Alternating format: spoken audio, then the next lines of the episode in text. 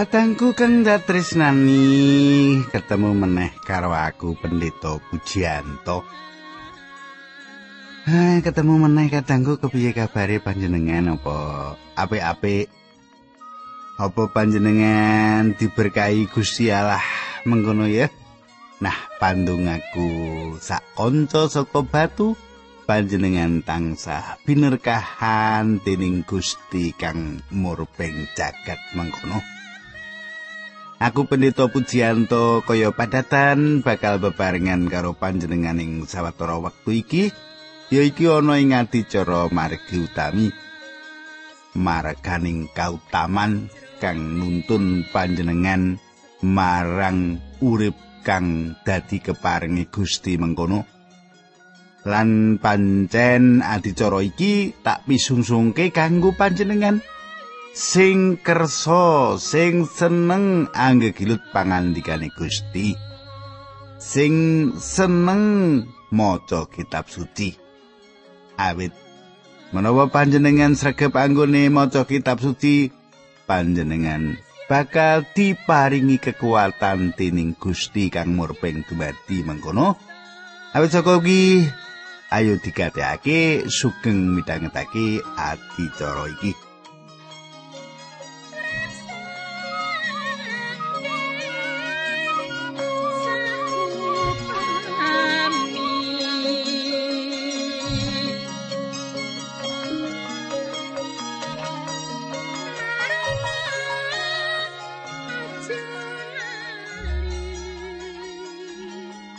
Kadangku apa panjenengan isi kelingan apa sing ndak aturake nalika patemon kita kepungkur kae? Isi kelingan panjenengan toh?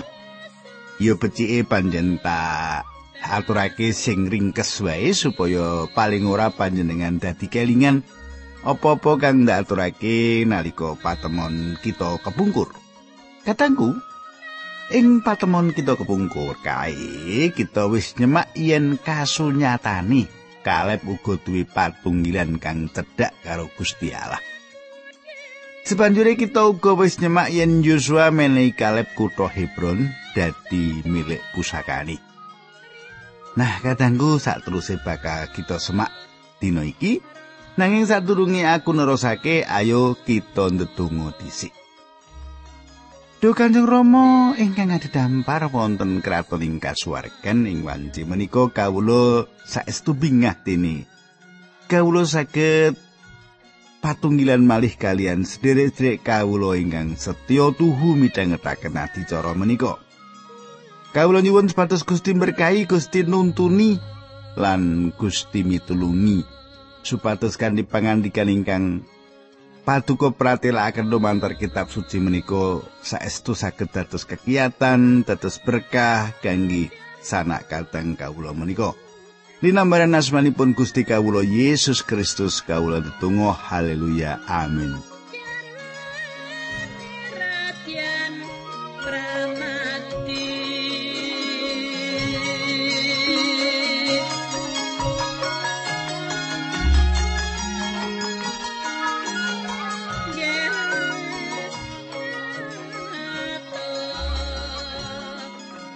Para pamirsa ingkang dipun sihi Gusti Yesus. Saiki pasinaon kita wis ngancik Yusa utawa Yusua bab 15. Kitab Yusua bab 15 utawa kitab Yusa bab 15. Perangan iki ana sambung rapete karo dumduman tanah perjanjian kang diwenehake marang taler-taler saka bangsa Israel kang manggon ana ing sisih kulon Kali Yarden. Yusa utawa Yosua pasal 15 iki mligi mratelake babagian tanah kang diwenehake kanggo taler Yehuda.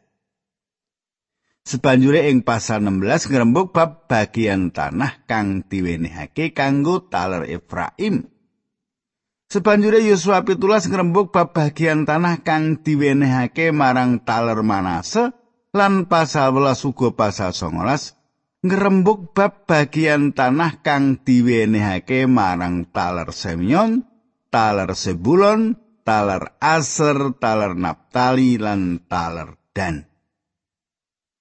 Kadangku kang dal tresnani tumtuman tanah iki sawijining bab kang penting banget kanggo taler-taler bangsa Israel kuwi nanging mesti wae perkara kuwi ora ana gegayutane karo kita ya toh kita ora etuk tanah tumtumane wong Israel ning tanah Kanaan jaman semono ya toh awit saka kuwi mula ing perangan Yosua 16 ayat 12 iki aku mung bakal nerangake sawetara bab kang aku anggap penting. Ayo panjenengan tak derekake nyemak dum-duman tanah kang kanggo suku Yehuda. Ing Yosua 14 kita wis nyemak yen Kaleb salah sawijining wong kang dadi anggota saka suku Yehuda. Kaleb kuwi kalebu anggota suku Yehuda. Lan marang Kaleb Gusti Allah satemene wis maringake kutha Hebron. Sebanjure ing sajroning Yosua 15 iki, kita bakal entuk akeh keterangan bab Kaleb kang ngidapi-dapi iki. Kejaba kuwi, wates-wates tanah saka kabeh taler Yehuda iki uga diwenehake ing sajroning pasal iki. Ayo kita wiwit nyemak ayat 13 lan 14 saka Yosua bab 15 iki. mangkene surasane. Netepi dawe Gusti Allah marang Yosua, saperangan saka tanah pandumani Yehuda diparingake marang Kaleb anak Yefune saka kelompok Yehuda sing diparingake ya kuwi Hebron biyen duwe Arba bapakne Anakim. Anak turune Anakim ya kuwi wong sesai. Ahiman lan wong Talmai. Kaleb banjur nglungakake wong kabeh saka Hebron. Kadangku panjenengan semak apa kang ditulis ayat 13 lan 14 iki. Tanah kang dikarepake dening Kaleb yaiku sawijining daerah kang satemene dipanggoni dening wong-wong enak. Wong-wong enak iki wong-wong kang kala-kala disebut para raseksa. Nanging sinadan kaya mengkono, kita nyemak ing kene yen Kaleb tetep siap, wani lan semangat ngrebut daerah iku. Semangate Kaleb iki kaya nalika dheweke isih nom. Coba panjenengan semak bab 15 Yusa iki ayat 15 nganti 19. Ya tak wacake. Saka ing kono Kaleb nyerang wong-wong sing padha manggon ing Debir kutha kuwi biyen jenenge Kiryat Sefer. Kaleb gawe pengumuman mengkini wong lanang sing bisa nelokake Kiryat Sefer bakal dipek mantu ndak olehke anakku Aksa. Kelakon Otniel anake sedulure Kaleb sing jeneng Kenas ngrebut kutha mau, temah Kaleb banjur menehake Aksa anake dadi bojone Otniel. ing dina kawine Otniel ngojo-ojo aksa supaya njaluk lemah marang bapakne lan bareng ditakoni bapakne kowe arep apa? Aksa mangsuli. Site ingkang panjenengan paringaken dhateng kula menika daerah ingkang awis toya. Mila kula nyuwun dipun paring ana ugi ingkang wonten tokipun sawetawis kaleb banjur menehi tok sing ana ing daerah dhuwur lan ing daerah ngisor. Kadangku kabeh daerah kang dadi bagiane taler Yehuda iki wis ditandani wiwit-wiwitan pasal 15 lan sebanjure kita nemokake yen jeneng kutha-kutha iku uga disebutake. Panjenengan tentu wae bakal ngalami kangelan nemokake kutha-kutha iki yen panjenengan goleki ing peta gambar daerah kono saiki. Awit kutha-kutha kang disebut ing wiwitane pasal iki sabenere manggon ing sisih ngisor tanah Negeb. Nah, ora krasa katengku kita ngancik pasinaon kita ing Yusua bab 16. Kitab Yusua bab 16. Ing pasal iki katengku kita bakal nyemak Yusuf kang dadi salah siji saka rolas anak-anak lanang Yakub uga loro anake Yusuf ya kuwi Ifraim lan Manase. Ing kene kita bisa nyemak yen Manase lan Ifraim dianggep sawijining taler. Nanging awet taler Lewi sawijining taler imam lan ora entuk bagian tanah saka tanah kang wis diprastiake dening Gusti kuwi mula mesine gunggunge kabeh taler saka bangsa Israel kang bakal marisi tanah perjanjian iku isih tetep rolas taler ora telulas ayo kita nyemak ayat siji teko papat saka Yosua 16 iki ayat siji teko papat ya panjenengan gatekke nanging aku ki maca kitab basa pedinan petonan saka lembaga Alkitab Indonesia yo. Tapel watese tanah pandumane anak turune Yusuf kuwi wiwit saka Kaliaden sak cedhake Yeriko sakwetane tok-tok Yeriko tekan Ororo Samun tapel wates mau saka Yeriko munggah tekan Betel ing daerah pegunungan. Saka Betel tapel wates mau tekan Lus metu atarot adar panggonane wong arki. Saka kono tapel watese mangulon menyang tanahe bangsa Yaflet nganti tekan Bet Horon sapengisor terus menyang geser banjur pantok ing segara tengah. Ya kuwi daerah sing dipandhumake marang Taler Manase lan Efraim anak turune Yusuf dadi tanah pusakane. Kadangku aku duwe pengarep panjenengan isih kelingan yen taler manase satemene wis kapilah loro. Cek kelingan ora panjenengan? Tasih, Pak. ya ngono nek diterangke iki kelingan ngono ora lulalali lulalali. ya tak bereni ya. Tak arep-arep panjenengan isih kelingan ya yen taler manase satemene wis kapilah dadi loro. Setengah saka suku Manase iki wis manggon ana ing sisih wetan kali Yarden. Saperangan wong-wong manase milih manggon ana ing sisih wetan kali Yarden lan ora gelem melu manggon ing sisih kulon. Kamangka tanah kang diprastiake Gusti marang bangsa Israel malah manggon ana sisih kulon kali Yarden kuwi. Lan kita mengerti yen satengahe suku Manase iki tetep melu nyabrang kali Yordan lan saiki tal iki uga bakal nampa bagiane ing tanah perjanjian kang papane ana ing sisih kulon kali Yarden kuwi. Lan kita uga bakal enggal nyemak yen ana sawijining conto kang ngidap-idaping pasal iki gegayutan karo anak-anak Yusuf lan mligine Efraim sebanjure kita maju nyemak Yosua pitulas ayat 14. Pitulas ayat 14 mengkini surasane anak turune Yusuf padha kondo karo Yosua mengkini kenging menopo panduman kula siti namung sekedhik Mongko tiang kula awet saking berkahipun Gusti Allah cacahipun kathah sanget. Katengku kang ndak tresnani. Ing kene kita nyemak yen kasunyatane kalar Efraim gresula marang Yosua, gresula. Kang dadi pitakonan kita yaiku kenapa talar Efraim iki gresula marang Yosua? Apa kang digresulani? Kasunyatane taler Ibrahim iki ngresula marang Yusua awet dheweke ora diwenehi lemah kang ombo kang dadi bagian taleri. Malah sakbenere Ibrahim mung diwenehi setengah bagian tanah saka kang ditampa taler Manase. Lan kita nyemak yen pangandikane Gusti uga nuduhake marang kita yen taler Ibrahim iki kalebu taler kang gedhe awet wong akeh ing suku iki.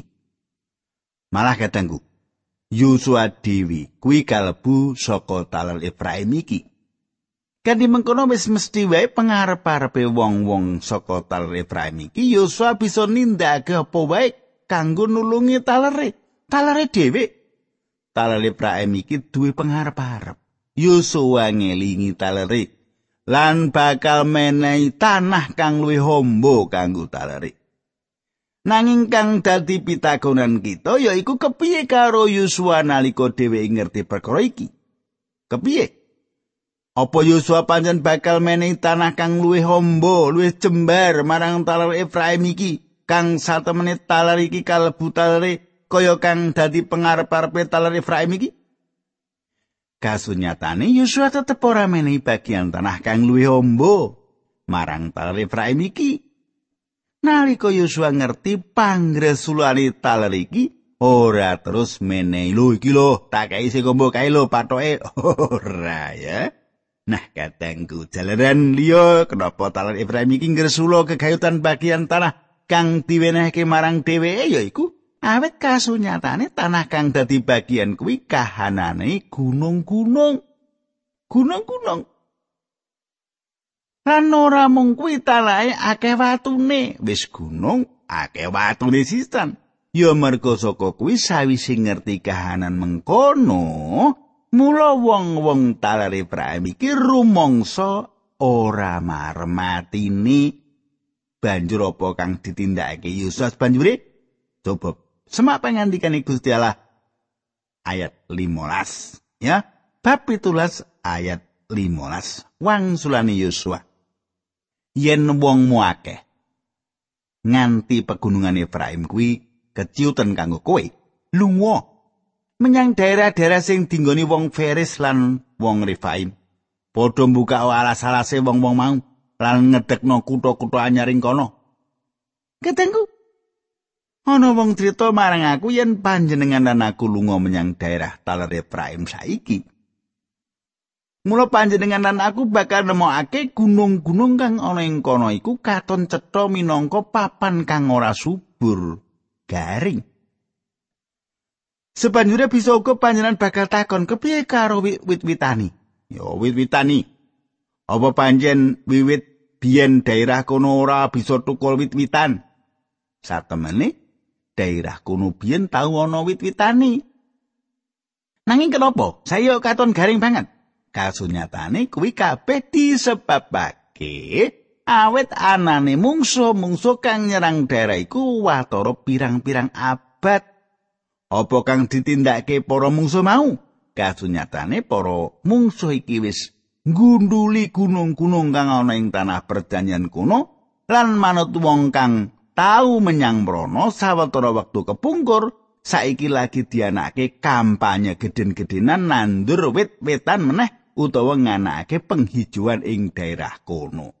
lan manut aku wit-witan mesti wae bisa tukul lan bakal tuwa HP ing tanah perjanjian iki awit sak benere ing tanah iki mbiyen tau kebak wit-witan. Kadangku eling yen ing sadroning kitab-kitab Injil digambarake yen ing jamane Gusti Yesus Kristus sugeng. Gunung Saitun uga akeh wit-witani Sabenere para mungsuh Gusti Yesus bakal banget kangelan nemoni Gusti Yesus lan para murid ing gunung kuwi awit akeh wit-witan kang urip ing gunung kuwi. Awit saka kuwi Judas dibutuhake mimpin para mungsuh kang duwe karep nyekel Gusti Yesus mau lewat alas kang akeh wit-witani. Judas dibutuhake supaya nutuhake ana ngendi Gusti Yesus lan para murid mapan nalika iku. Kadangku panjenengan gatekake yen jawaban Yosua marang talare dhewe iki wicaksana tenan. Dikaya kang ditulis Yosua 17 ayat 17 tekan 18. Coba panjenengan semak yo. Wangsulane Yosua marang talar-talar Ibrahim lan Manase kulon kali mengkene kuwi bener. Cacahmu pancen akeh lan kekuatanmu go gedhe. Pancen pandumanmu kudune luwih saka siji. Mulane ngenggonono daerah pegunungan sebab senajan daerah kuwi isih wujud alas, rak bisa kok buka lan kok dadekake tanah pusakamu lan bab wong kenaan kowe rak bisa nglungakake wong-wong mau saka kono senajan dhewe kuat lan duwe kereta perang saka wesi. Kadangku Yosua kondo menawa kowe ora seneng apa kang kok tampa, munggah lan jekono, jekono rebutan gunung-gunung. Nanging eling ana raseksa akeh ing kono. Kowe kabeh kudu nyambut gawe tenanan. Kowe kabeh kudu perang. Kowe kudu wani mbayar regane. Wis titi mangsane kanggo kita supaya mandek anggone ngresula lan tumindak supaya nguasani tanah luwih akeh. Ing sawijining dina ana juru khotbah gedhe lunga menyang gereja kutha cilik ing dina Minggu. Juru khotbah gedhe mau, pengkhotbah gedhe mau gumun nalika ngrungokake khotbah kang diandharake dening pendeta kang isin nom ing gereja mau. Isi khotbah pendeta kang isin nom mau padha karo bahan khotbah pendeta gedhe kang wis dicetak dadi buku. Sebanjure nalika pendeta nom-noman mau mudhun saka mimbar lan nyalami pesamuan kang metu saka gereja juru khotbah gedhe iki nyalami tangane pendeta nom mau lan takon. Adik, aku arep takon karo sampeyan. Sampeyan butuhake pirang jam nyawisake khotbah kuwi? Banjur pendeta kang isin nom mangsuli. Oh, anggen kula nyawisaken khotbah menika mbetahaken wekdal tigang jaman. Krung kang mengkono kuwi juru khotbah gedhe kuwi kondo aneh banget. Aku perlu wektu wolong jaman kanggo nyawisake khotbah kuwi. Katangku mbutuhake pambudidaya kang tenanan kanggo tetep duweni berkah kasoman. Sawetara taun kepungkur sawijining mahasiswa njeguring sawijining pelayanan. Mahasiswa mau nglayani sawijining gereja kira-kira tolong taun nak sabanjure nemoni dosene. Mahasiswa mau nelongso awet dheweke kentekan bahan kanggo khotbah. Dosen mau takon marang dhewe, "Lho, kowe mbutuhake wektu pirang jam kanggo nyawisake khotbah?" Mahasiswa mau matur yen dheweke ora nyawisake akeh wektu kanggo sinau, mung ngentekake wektu sejam anggone nyawisake khotbah. Manut dosen mau iku kang dadi masalahe. Awit dosen mau anggone nyawisake khotbah mbutuhke wektu 8 jam kanggo njaga supaya panggah duwe ganjaran kasukman.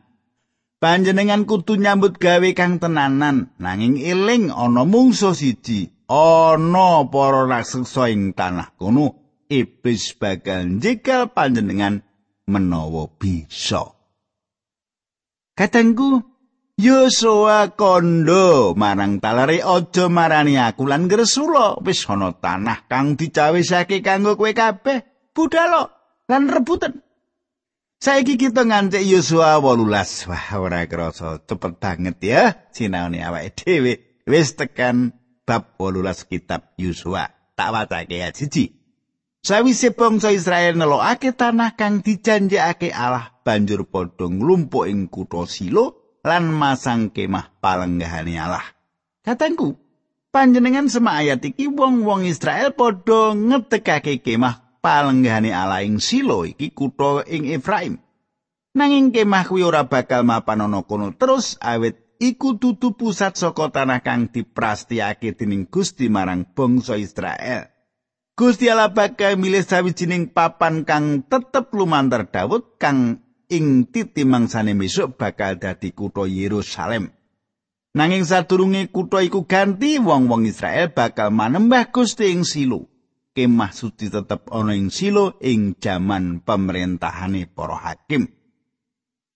Saiki Yosua menehi sawijining tantangan. Ayat loro lan telu. Talar-talar Israel sing durung nampa panduman tanah ana pitu. Mulane Yosua banjur kondo karo umat Israel mengkene besok kapan nggonmu arep ngenggoni daerah sing diparingake marang kowe dening pangeran Allah leluhurmu? Katangku, Ana pitung taler bangsa kang lagi ngadeg ana ing sakiwa tengene Yosua kanthi tangan dilebokke ing kantong. Wong-wong mau takon marang Yosua kepiye karo tanah iki? Apa kang bakal kok wenehake karo aku kabeh? Yosua kondo marang wong-wong mau kowe kabeh wis diwene tanah kang wis ditemtokake. Lunga lan rebutan daerahmu kuwi. Arep ngenteni pira lawase? Ngono ya. Rada surupane. Apa kang dadi tantangan Yosua iki dadi tantangan Gusti Allah kanggo kita. Gusti Allah wis nyawisake marang kita kabeh ganjaran kasukman. Nanging kita ngulur wektu nalika wis tekan mangsane kita nuntut sak beneri Gusti Allah wis apik banget marang panjenengan lan aku. Oh, kaya ngopo kita kudu ngaturake kunging panuwun marang panjenengane atas sih rahmat atas katresnan atas kabecikan lan sih kawalasane kang diparingake marang kita. Kaya ngapa anggone nggumunake panjenengan kuwi? Nanging kenapa kita ora maju mlebu lan ngrebut tanah kang wis diparingake Gusti Allah marang kita? Kadangku, sause Yosua menehi tantangan. Taler-taler wiwit mangkat metu lan ngrebut tanah kang wis ditum marang taler-taler mau. Kadangku, bungkasi semene dhisik. Marga aku wis dikedepi karo operatore. Babuji wis aja dawa-dawa wis entek wektune ngono ya. Nek kadangku kang ndak tresnani diterusake dina candhake. Kaya sing wis dijadwal karo radio kita iki. Mengkono ya. Nah so nek aku suwan panjenengan aja ngantek panjenengan ora mirengake kudu mirengake supaya kawruh kasukman iku terus tambah-tambah lan ora ana pedhote mengkono Nah katangku iki aku ana layang saka panjenengan ya salah siji panjenengan sing kirim surat karo aku ya kuwi Bapak Joner Nainggolan. Wah Pak Joner Nainggolan. Iki priyayi batak ning ngrungokke margi utami. Awit nugrahanipun Gusti Yesus wonten ing gesang kula sak keluarga Pak Puji. Saged ngisi gesang kula menika kanthi perkawis-perkawis ingkang migunani lan supados rejeki berkah Gusti Yesus menika saged kula tampi. Inggih serat panjenengan sampun kula waos. Nggih intine serat panjenengan makaten monggo kita ndedonga sesarengan. Dukanjeng Rama ingkang adhedhampar wonten kraton ing kasuwargan kawula ngaturaken gunging panuwun menawi wekdal menika kawula saged tetunggilan kawula saged sesarengan kalian sederek-sederek kawula. Kawula sampun ngandharaken pangandikan paduka paduka berkahi Gusti supados dados sumber ing gesang Kaya gesang wonten ing manahipun sedherek kawula menika. Linambaran asmanipun Gusti Yesus Kristus kawula netunggal haleluya. Amin